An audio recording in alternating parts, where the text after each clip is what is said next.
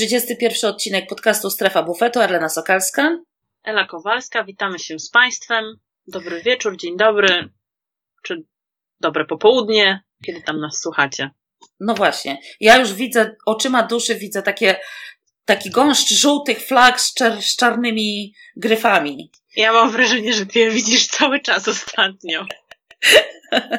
Flandria to mój ulubiony, ulubiony wiosenny wyścig, monument. Flandryjska piękność, nie mogę się doczekać. No ale jeszcze przed nami inne atrakcje. No tak, w środę taka, taka jeszcze taki przedsmak trochę tej Flandrii. W zasadzie tak. przedsmaki tej Flandrii to też były, to w zasadzie kolejny przedsmak, tak? Tak, muszę powiedzieć, Jak że... masz takie menu degustacyjne, to po prostu ci tutaj e, serwują haralbekę, e, jakieś omlopy, właśnie jakieś te e, genty, henty i tak dalej, żeby potem Flandrię. Tak, i Dwarsdor i tak, tak, dalej. A jak ci się podobała Gandawa Wevelgen? O, właśnie, to było Gandawa Wevelgen, co chciałam powiedzieć. Gent Wevelgen, tylko po prostu, e, ponieważ e, tak, wiemy już, że Belgia jest surrealistyczna, to ja nie potrafiłam tego wypowiedzieć. No, jak Krzysztof, trochę taki z kapelusza, no. Bo ja bym szekla złamanego nie dała na niego. W sensie nie postawiłabym w ogóle taki underdog. No. Pierwsze, co mi się skojarzyło, to po prostu Maciej Kawulski, oczywiście tutaj z małą dawką ironii i jego e, reżyserski po prostu debiut underdog. I tak sobie pomyślałam, że właśnie to, to słówko underdog idealnie pasuje do Krzysztofa. To znaczy, y, ja się bardzo cieszę, że on wygrał, zwłaszcza, że tam a, on miał trochę problemów takich na związanych ze swoim miejscem w teamie, od kiedy przyszedł e, Gaviria i oni obaj właściwie tam, tam poszli e, do tego teamu e, i on teoretycznie miał Gavirię rozprowadzać. Ale mm. Gaviria mu powiedział, że niestety no fuel in tank. Go, go, Krzysztof, go. Tak, i Krzysztof zrobił naprawdę go, przy czym no to mnie ucieszyło, bo to był facet, który wygrywał już e, naprawdę poważne wyścigi, e, monumenty, więc e, wrócił jakby, wrócił do siebie, o, można tak powiedzieć. Troszkę to trwało, natomiast wrócił do siebie. Wygrał przecież właśnie Flandrię mm, w 15 roku, w 14 wygrał Mediolan Sanremo, także to nie jest kolarz, który wypadł z roce spod ogona absolutnie tego nie powiedziałam, że wypadł z pracy spod ogona, natomiast jakby w takiej mojej, tak jak sobie umyślałam jakichś takich faworytów, to po prostu nie było wśród tych faworytów e, Aleksandra Krzysztofa po prostu. Dlatego stwierdziłam, że toż to po prostu prawdziwy underdog, no. Ale mnie chyba bardziej niż to, że wygrał Krzysztof, jednak e, ucieszyło to drugie miejsce Degenkolba, którego nomen omen e, skreśliłyśmy niedawno, stwierdzając, że niestety, no, jakby ta, ta zmiana pokoleniowa sprinterska już się dokonała, a tutaj chyba też przy okazji Krzysztof pokazuje, o którym żeśmy wtedy nie wspominały, że jednak te stare lisy, stare wygi mają jeszcze coś do powiedzenia. No ja chciałam tylko powiedzieć, że o Krzysztofie się mówi, że taki niby kolarz nie wiadomo skąd, a wygrał dokładnie tyle samo monumentów co Peter Sagan i tyle samo monumentów co cały Sky razem wzięte. Bo dwa. Także... No tak, ale to chyba w kolarstwie mi się wydaje, że to też po prostu, no, jakby mm, Sagan całym sobą jest taką osobowością, jest taką postacią barwną, tak? Tomorrow there is a day, we will see, day by day, tak? Więc jakby może też z tego powodu ten Krzysztof jakoś tam się przesmyknął. Zresztą w ogóle coś, co mi się kojarzy z Krzysztofem, nie wiem czemu, ale to jest to, że on jest cały czas za gruby nie chcę być tutaj taka niegrzeczna jak pan Patryk wobec y, Remco Eventuela, ale tak jakby w momencie, kiedy widzę Krzysztofa, to myślę sobie, a, to ten, co jest za gruby. Znaczy, on jest po prostu duży. bardzo duży, tak. Przy czym nie jest jeszcze chyba z tych najwyższych kolarzy, ale jest taki raczej, bym powiedziała, Naj... ciężki, o, może nabity. Może tak to, tak to określić. To jest po prostu kawał chłopa. I tyle. Najwyższym kolarzem w ogóle w peletonie to jest Conor Dunn. E, z, który reprezentuje Irlandię i teraz jeździ w Israel Cycling Academy. To jest ten sympatyczny kolarz, który razem e, z Larem Warbasem pojechał to No Go Tour, bo jeździł w Aqua Blue Sport i on jest naprawdę wielki, bo ja pamiętam jak on podjeżdżał pod ten e, słynny podjazd w Innsbrucku Hall i naprawdę biedny się bardzo męczył. On po prostu naprawdę, to aż było smutne na niego patrzeć, e, ale też on jechał teraz w tym roku Tour Antalya i akurat była taka sytuacja, że e, w busach podstawionych przez organizatora, które miały nas zabrać na lotnisko, e, było jeszcze miejsce jakby nie, nie jechaliśmy sensu stricte ekipami, tylko pakowali nas po prostu, żeby się wszyscy zmieścili.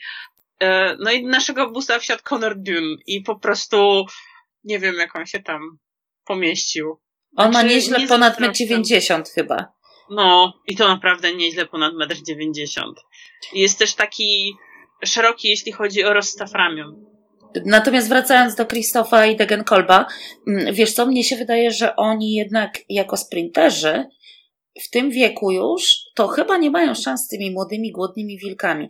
Natomiast co innego klasyki. I gdzieś ja tutaj zaczęłam myśleć całkiem poważnie i o Krzysztofie, który wygrywał Flandrię, ale i o Degenkolbie w kontekście Paryż-Roubaix, bo z kolei Degenkolb e, Flandrii nigdy nie wygrał, natomiast e, miał taki rok, gdzie wygrał e, Mediolan Sanremo i Paryż-Roubaix. Więc e, no kto wie, kto wie. To jest w ogóle dosyć ciekawe, jak się spojrzy na wyniki zarówno Flandrii, jak i Paryż-Roubaix, które też gdzieś tam za chwilę majaczy na horyzoncie, to widać, że w tych wyścigach ciągle pojawiają się w czołówce te same nazwiska. Tam nie ma kolarzy przypadkowych. Ja jeśli chodzi o Paryż-Roubaix, no to wiadomo, tak? E, Zdenek Sztybar, bo wydaje mi się, że e, Petera Sagana to w takiej formie ani Ols, ani Bodnar, no, no nie dadzą rady go przyciągnąć. To już moim zdaniem jakby bardzo bym się zdziwiła, gdyby Sagan tak nagle odpalił. Ale ja jednak z Danek Sztybar na Paryż-Roubaix i zastanawiam się nad e, Wout van Aert.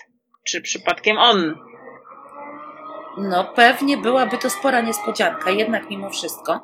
A ja też liczę, że tu jeszcze we Flandrii, a jakby tak wygrał Seb, Seb Van Marke, chyba byłabym bardzo zadowolona. Dlatego, że on był już y, naprawdę w bardzo wielu wyścigach drugi, trzeci, gdzieś zaraz za czołówką.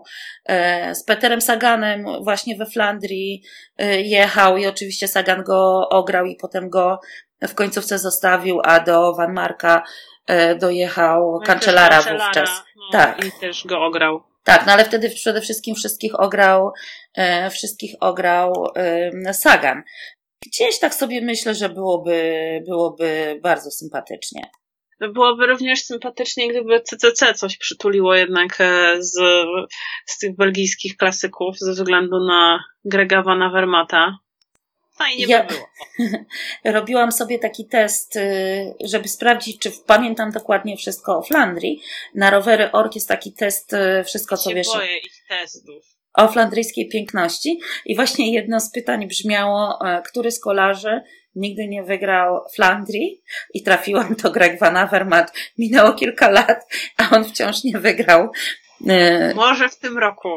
Może w tym roku, tak. On odpuszcza y, Dwarsdor, więc taka mocna spina, mocna spina na, na Flandrię. On był we Flandrii drugi, trzeci, znowu drugi, trochę tak jak ten Seb Van Marke nieszczęsny. Jestem też ciekawa Nikiego Terpstry. Po przejściu do Direct Energy. I to się w ogóle bardzo rzadko zdarza, że z numerem jeden na wyścigu, na monumencie. Jedzie, tak, jedzie ekipa prokontynentalna. Tak, druga dywizja i tak dalej. Natomiast ten Niki Terpstra to jest dla mnie kolarzem interesującym samym w sobie. Też taki trochę dziwny ruch, ale dobrze. No jestem bardzo, bardzo ciekawa jeszcze jak e, rozmawiamy o Flandrii, to wydaje mi się, że nie, że nie powinnyśmy pomijać e, Olivera Naasana, który też pokazał bardzo dobrą formę, który pokazał się z rewelacyjnej strony, e, no i w Milano Sanremo i teraz na Wevelgen, więc why not? Why Państwo not? tego nie widzą? Jaki wam głową potakująco, tak, tak. Tak, tak, tak. Zwłaszcza, że on w ogóle trenuje z Gregiem. O, mieszkają tak, chyba niedaleko tak, siebie. Tak, i trenuje z Gregiem. I był kierowcą ciężarówki właśnie. No tak. tak. bo to jest e, w ogóle ciekawa postać. Ja pamiętam, jak się nim zachwycaliśmy na Twitterze, e, a najbardziej się nim zachwycała chyba e, Ola Górska z Naszosie. By the way, pozdrawiamy Olę, jeżeli nas słucha, bo może słucha, albo może ktoś jej powtórzy. I nie mogę się. Do... powtórzy. Tak, i nie mogę się doczekać, kiedy Ola wróci ze swoimi fajnymi zapowiedziami wyścigów. I miejmy nadzieję, że wróci również na Twittera. W każdym razie, ja pamiętam, jak ona się nim zachwycała kilka sezonów temu. Wtedy, kiedy właśnie Neasen się pojawił w Werturze, to był chyba 2015 rok, może 16, już w tej chwili nie pamiętam. To z powodu choroby chyba takie zaćmienie. W każdym razie on już wtedy wyglądał obiecująco. I tak widać, że z każdym rokiem ta jego obiecującość robi się coraz bardziej obiecująca. Obiecująca. No tak. No, mówiłyśmy o nim w kontekście Mediolan Sanremo, że to było to jedno z takich większych zaskoczeń, jeśli chodzi o zajęte miejsce. Nawet mu się Kwiatkowskiego udało, udało ograć o, na finiszu. Fajny będzie wyścig. Ja jestem bardzo ciekawa, jak to będzie. Aż sobie chyba chipsy kupię. Albo może fryteczki zrobię. No tak, na Belgię to. Guilty pleasure musi być. tak, no na, na Flandrię to, to raczej właśnie frytki. To jest taki wyścig, jak dla mnie, który trzeba bardzo dobrze rozegrać taktycznie i trzeba być bardzo, bardzo silnym. Bo w Paryż-Roubaix to po prostu, tak, dekeniki, bo w Paryż-Roubaix to trzeba po prostu ciąć ile fabryka dała. Właśnie. Tak. Tak jak mówił świętej pamięci trener Wójcik. I po prostu tam nie ma zmiłuj, trzeba cały czas przejść do przodu. Natomiast jednak na Flandrii to trzeba się zastanowić na tym podjeździe, na tym podjeździe, trzeba wiedzieć, gdzie spodziewać się ataków, kto może atakować, a też trzeba być bardzo tak silny. Jak Terpstra, który po prostu w ubiegłym roku trzeba nie myśleć, po prostu pójść za instynktem chyba. I, i ciąć do przodu, e, albo tak tak jak Filip Gilbert, który uciekał prawie 60 kilometrów e, solo. Ja pamiętam, to był ten rok, kiedy Greg Tom Bonen był drugi. Tak, i Tom Bonen wtedy kończył ym, karierę i jemu się z kolei rower zepsuł na jednym z podjazdów, już nie pamiętam na, na którym, na Kwaremoncie. W każdym razie zapamiętałem tą końcówkę tego Bonena, ym, koniec jego kariery zawodniczej, jak on tak stał, jak nieszczęsny y, na tym podjeździe i ten samochód z rowerem ciągle nie przyjeżdżał i nie przyjeżdżał, no bo wiadomo, jak to jest na klasykach. Jadą pojedynczy kolarze, samochody muszą czekać, aż oni sobie przejadą. No i dramat e, Bonena. By the way, wszyscy twierdzą, że. Powiedz. Przepraszam. no co, że sukcesy dekeników są związane z tym, że Bonen zakończył karierę, tak? No. A teraz mi się też w ogóle, jakby jeśli chodzi o dekeniki, to mam taką, mam takie, um, mam taką myśl, że chyba raczej, że oni tak dużo po prostu już zgarniają, że po prostu wszyscy ich już tam w tym peletonie już nie mogą na nich patrzeć po prostu.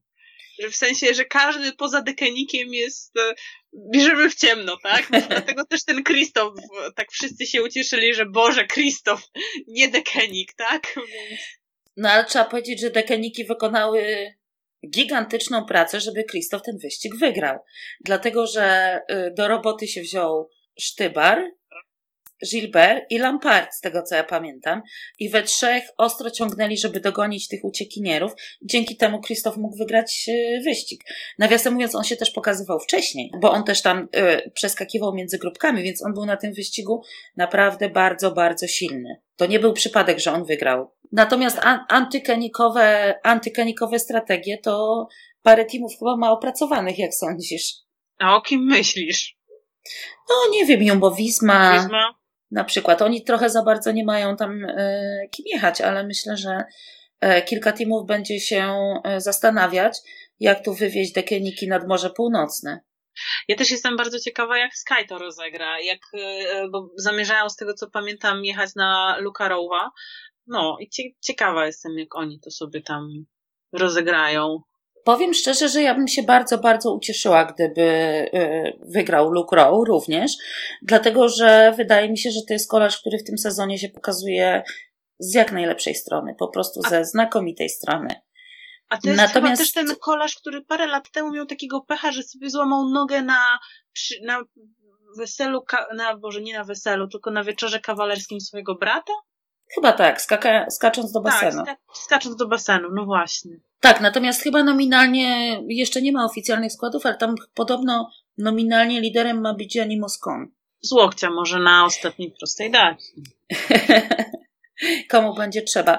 Też wydaje mi się, że tutaj mm, Dylan Van Barle może całkiem nieźle wypaść. Wydaje mi się, że to jest koleż, który powinien się dobrze czuć w takim terenie. No to fryteczki muszą po prostu wjechać. A z fryteczek co? Na czurroski się przerzucamy? W kraju Basków co się je? Ja bym poszła na te czurroski do dzielnicy gotyckiej, bo jednak e, tak, ja tam trafię, ja po prostu tam trafię.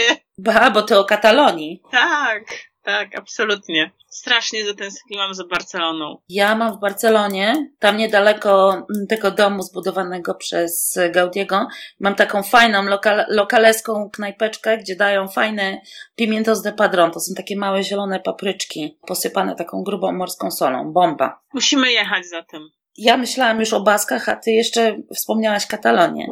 No bo ja o Baskach to jakoś tak nie myślę. Ja jednak żyję Katalonią, w sensie żyję tym, żeby jednak pojechać w tym roku do Barcelony na czurroski.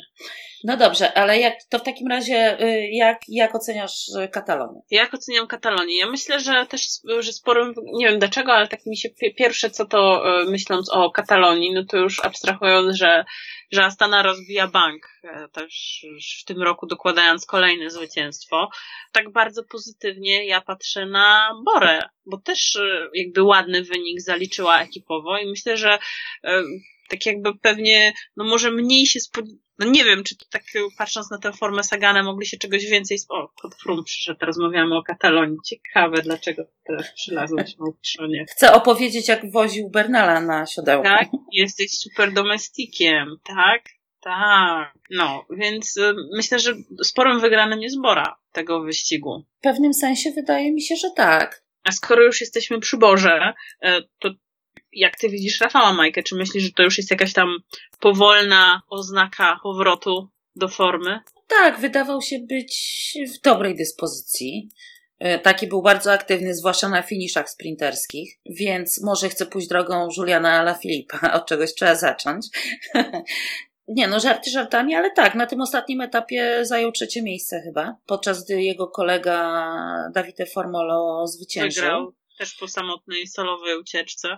Majka nigdy nie był takim kolarzem, który potrafił być w formie przez cały czas. Ta forma musi mu tak stopniowo urosnąć. No i do Giro został jeszcze ponad miesiąc, więc mam nadzieję, że to będzie mu tak stopniowo rosło. No dla niego takim no naprawdę prawdziwym testem będzie Giro, bo nawet gdyby mu nie poszło w generalce, choć zazwyczaj w Giro wypadał w tej generalce, powiedzmy, ta pierwsza dycha zawsze była, no to powinien wygrać y, etap, dlatego że po pierwsze, że jemu się by przydała przydało zwycięstwo tak psychicznie. Psychicznie, no. A po drugie, już dawno żaden Polak nie wygrał etapu na Giro. Bo ja już się stęskniłam za tym zjawiskiem. A powiedz, a, bo jeszcze chciałam, jeśli chodzi o Katalonię, no to też sobie y, Sunweb tak dorzucił te wygrane, bo to była ekipa, która miała tych wygranych, z tego co pamiętam, jak ostatnio rozmawiałyśmy, trzy, no to teraz ma pięć i bling znowu zaczął świecić. To, to też jest kolarz, który tak nie potrafi jakby być zawsze świetny, e, natomiast ma momenty, kiedy jest w stanie kiedy zbudować. Świeci, jest blingiem. Kiedy świeci i kiedy nikt mu nie jest w stanie dorównać. No, o ja pamiętam, on strasznie chciał wygrać etap na Tour de Pologne, ten w Srybskim Plesie, dlatego, że tam na mecie była... Majka wygrał. Tak, a tam na mecie czekała na niego dziewczyna ze swoimi rodzicami, a jego dziewczyna, nie wiem czy obecna, ale wówczas dziewczyna była Słowaczką. Więc słowaccy rodzice wraz ze słowacką dziewczyną przyjechali na metę i on tak strasznie zapowiadał, że będzie chciał wygrać, a tu Rafał Majka ograł sprinterów, panczerów i wszystkich innych. Wow, mówimy z Frumem wow. Nie wiem, czy słychać, jak on mruczy, ale mruczy jak pralka. No i ten ostatni etap Katalonii to też tam wykosił paru zawodników. Bardeta, Geszkę. Nie fajnie to wyglądało niestety. Tak, Soler też na Soler. No, w, no. zeszłym roku, w zeszłym roku na Katalonii poległ Bernal. Tym razem się udało. Dzięki temu, że miał swojego super domestika. A no nie wiadomo, że bez pomocników wiadomo. to w ogóle nawet najlepszy kolarz e, nie daje rady. Nie wygra wyścigu. Bliźniacza akcja Jejców się nie udała, jak zresztą Nigdy na Katalonii się nie udają ataki na pozycję lidera. Nie pamiętam.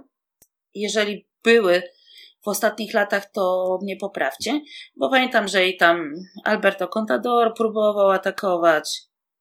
Zawiesiłam głos w oczekiwaniu na dżingiel. Ale nie no, że tak powiem, miziam frumka, więc nie będę robić dżingla miziając frumka.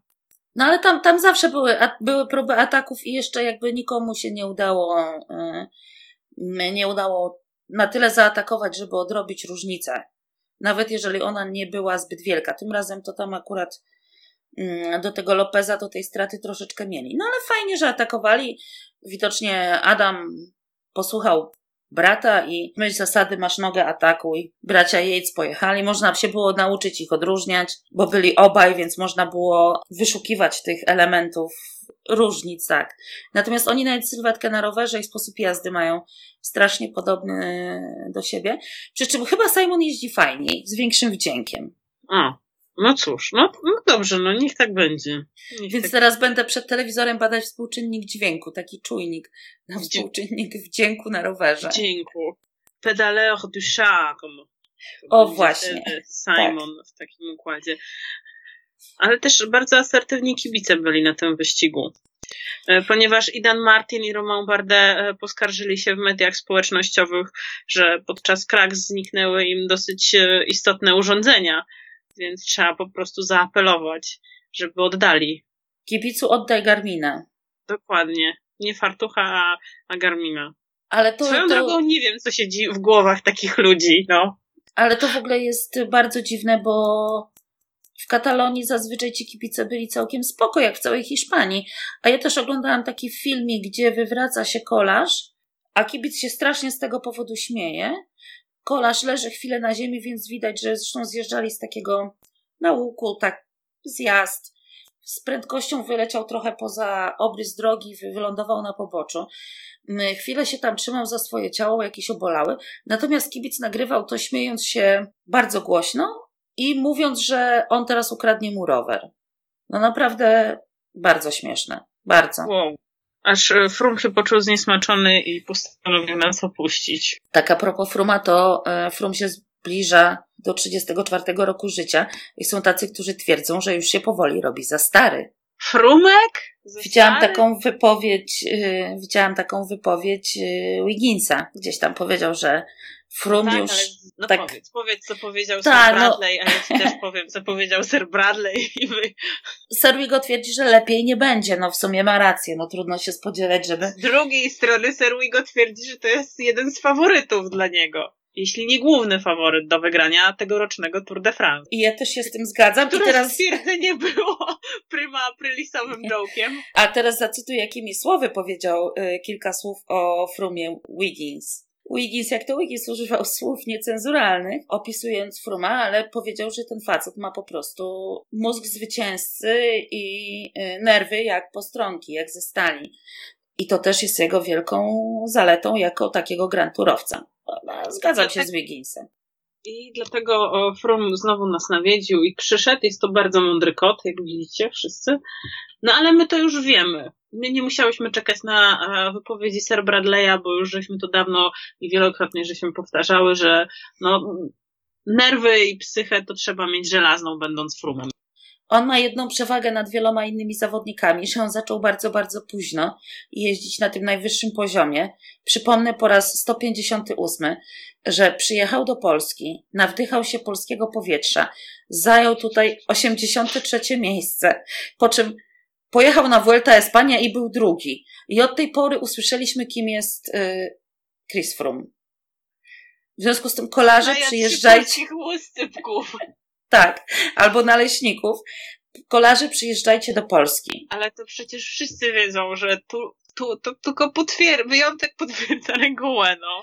Tour de Pologne kreuje, to jest kopalnia młodych talentów, no. Kreuje gwiazdy peletonu, no. Sagan też tu zaczynał. By the way, a propos wieku, ja tak ciągle to by the way, a propos wieku, to odetchnęłam z ulgą. Alejandro zapowiedział, że kończy karierę dopiero w 2021 roku. Do czterdziestki. To już tylko dwa lata. No ale ja się bałam, że wiesz, że on już teraz po tej jeździe w tęczy, ale nie, Alejandro nas nie zostawi. No nie, no, nie zostawi nas do Tokio, no. Będzie musiał tylko uważać na mięso, ale nie zostawi nas do Tokio. Ale w Japonii to chyba nie, nie trzeba uważać. To, to na tą rybę fugu. tak. Potem też trzeba uważać, absolutnie. A Alejandro do kiedy ma kontrakt z Movistarem, ty pamiętasz? A to ciekawe, trzeba by sprawdzić. Y, to ja zaraz, zaraz popatrzę. Zaraz podejrzewam, podejrzewam, że ma właśnie już do, podpisany do końca y, swojej kariery. Nie, do końca tego roku. No popatrz, to kolejny. Bo będzie bardzo dużo kolarzy, jest, jest w zasadzie dużo kolarzy, którym się kontrakty kończą w tym roku. Są ekipy, które już pewnie zacierają ręce, żeby szybciej, szybko iść na zakupy. Dałabym wszystkie pieniądze za Ala Filipa, gdybym miała team kolarski. Gdybyś miała team kolarski. Mhm. Słuchaj, robi show na monumentach, na wyścigach tygodniowych, koszulkę górala na Tour de France, po prostu gdzie z nim nie pojedziesz, tam sukces. Gra i trąbi, no po prostu, to tak. też prawda. Tylko pytanie, czy właśnie po tym takim boost of form, czy, czy on tak troszeczkę, no, chociaż nie, no to głupio gadam w sumie, bo on jednak, no... On jest, wiesz, on ma dopiero 26 lat, jest bardzo, tak, bardzo obiecujący, i, więc... I nawet jeśli to, co zrobił w poprzednich latach nie można uznać za boost of form, E, tylko bardziej to, co w tym roku osiągnął do tej pory, bo to, co, to, co ogolił do tej pory, to robi bardzo duże wrażenie. No to i tak jest to kolarz rzeczywiście. Jest to kolarz, który osiągnął dużo, no. Bo do wzięcia jest tak, Nibali, Quintana, Daniel Martin, Wout Pouls, Ilnur Zakarin, Esteban Chavez, Enric Mas, Davide Formolo, Luis Menties, Jakob Fulsang i Mikel Landa. Brałabym Mikela Landę. A ja nie. A ja tak. Jego trzeba tylko uwolnić. On już się Nie, sam uwolnił. Na kopię Bartali wygrywając pierwszy półetap. Tak, ale wydaje mi się, że Landa jest posłowie z Astaną. Tak się mówi. Quintaną interesowało się kiedyś CCC, więc ciekawe. Powiem tak, nie byłby to mój pierwszy wybór, jeśli chodzi o tych właśnie. Mój też, mój też, mój też. Zawsze gdzieś za Quintaną ciągną się te psy na podjazdach. No właśnie, ta kolumbijska wioska. Ja nie wiem dlaczego, ale po prostu ja na niego patrzę i ja widzę takiego człowieka z gór, no. Po prostu takiego typowego kolumbijskiego górola. Tak. W takiej czapce. W takiej czapce, dokładnie tak, rozbalającego gdzieś ognisko przed Ale, jakimś y namiotem i wyprowadzającego psy na podjazdach. No. Y, pamiętasz ten jego taki wielki wywiad dla tej kolumbijskiej gazety? największej w Kolumbii, nie pamiętam e, co to za gazeta. Ten, którego on udzielił w zeszłym roku chyba przed Tour de France.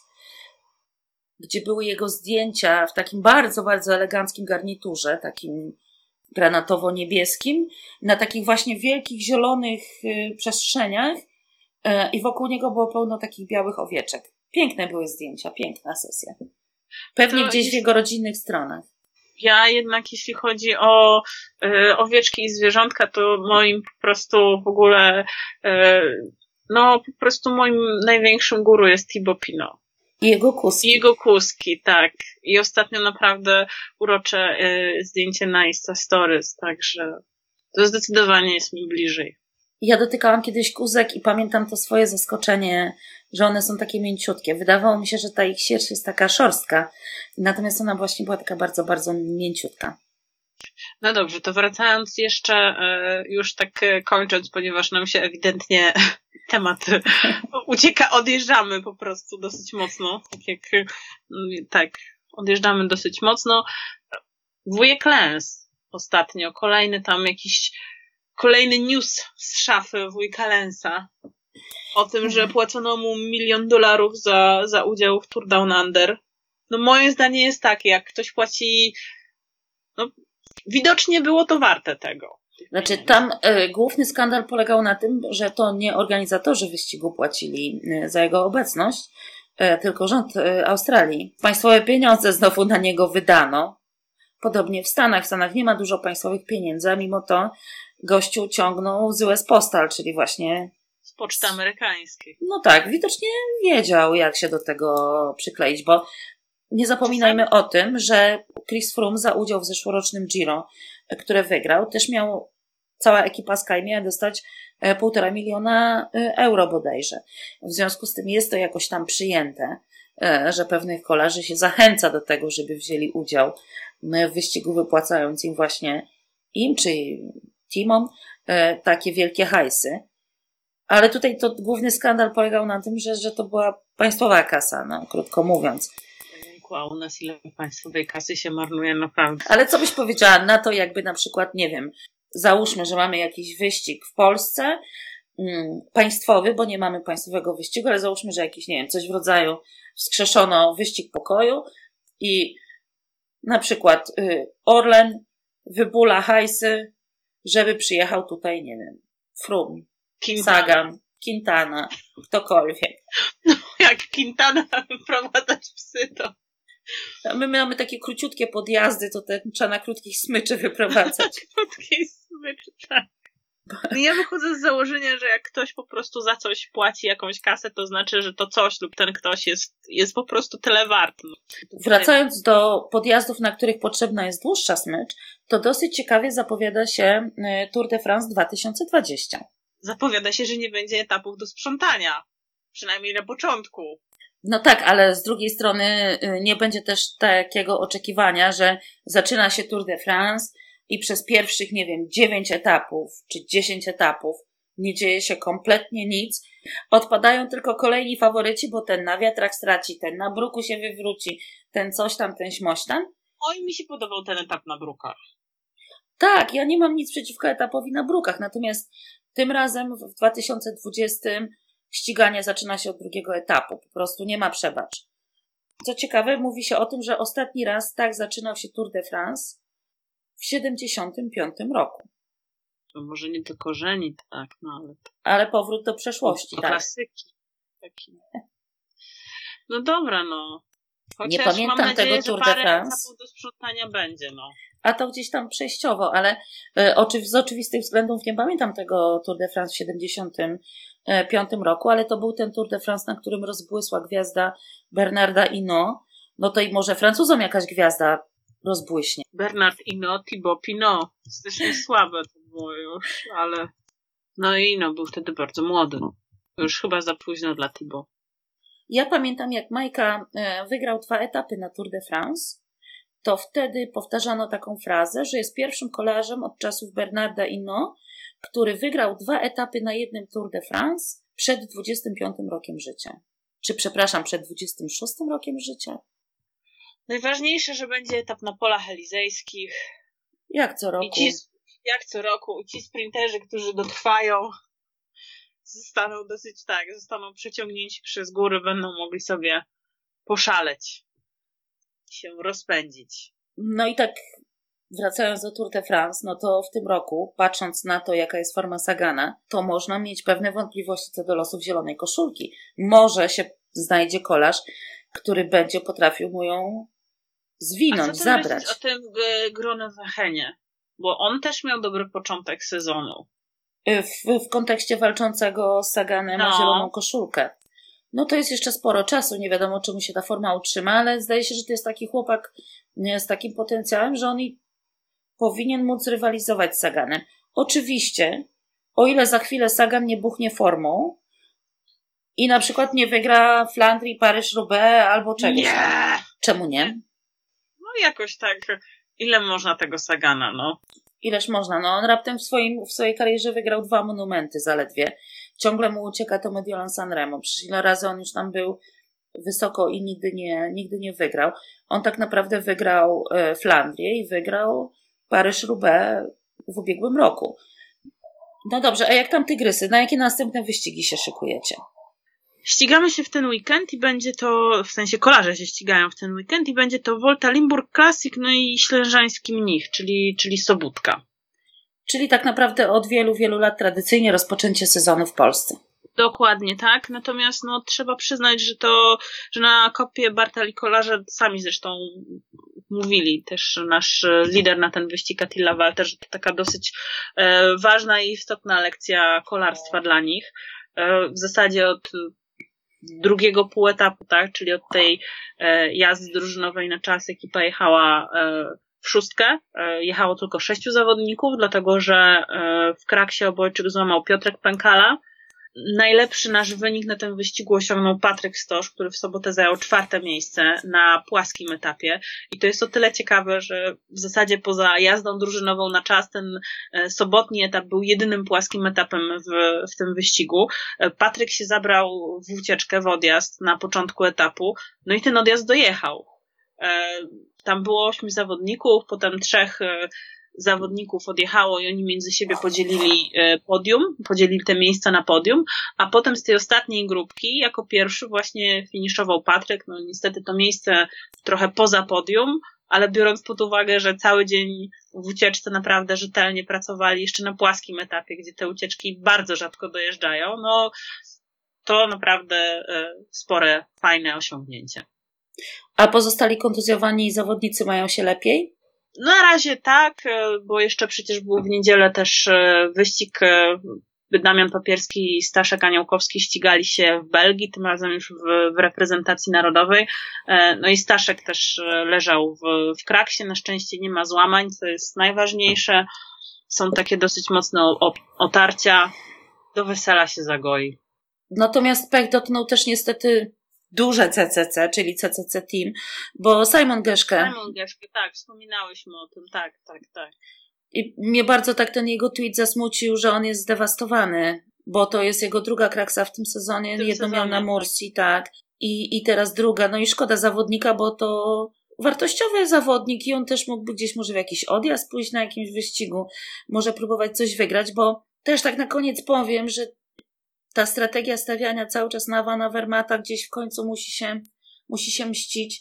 E, tym bardziej, że no sam Van Avermaet jest chyba trochę taki sfrustrowany, jak czytam jego wypowiedzi, tym, że mówi, że jest zły na sam na samego siebie, że się gdzieś tam źle ustawia, że wybiera złe, mm, złe decyzje podejmuje w trakcie wyścigu, ale to jest właśnie pewna taka nerwowość, bo on pewnie chciałby wygrywać, a mu się to niestety no średnio udaje jak na razie. Dlatego ja e, będę trzymać kciuki w, w niedzielę, bo e, też nie odkryjemy Ameryki, mówiąc, że jednak podstawą sportowca jest głowa, więc moim zdaniem no takie przełamanie e, potrzebne jest po prostu jedno zwycięstwo, a jak już to jedno zwycięstwo przyjdzie, to już potem, potem pójdzie z górki i będzie łatwiej. Dokładnie. A Greg Van Avermaet, no mówię, y, on był już we Flandrii drugi, drugi, trzeci, więc może w końcu, może w końcu uda mu się zwyciężyć.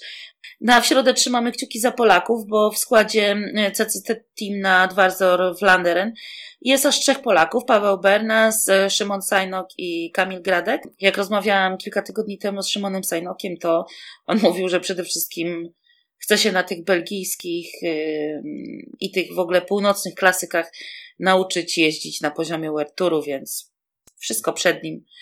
Młody chłopak, niech się uczy. Trzymamy kciuki zatem. A z wami się słyszymy w przyszłym tygodniu. Pamiętajcie, że jesteśmy na Spotify, jesteśmy na iTunes? SoundCloudzie i jesteśmy na iTunes. I nie jesteśmy też pato e, podcasterami, dajcie nam lajka. I tym optymistycznym akcentem Kończymy. Do usłyszenia. Do usłyszenia. I oddajcie Garmina. Tak.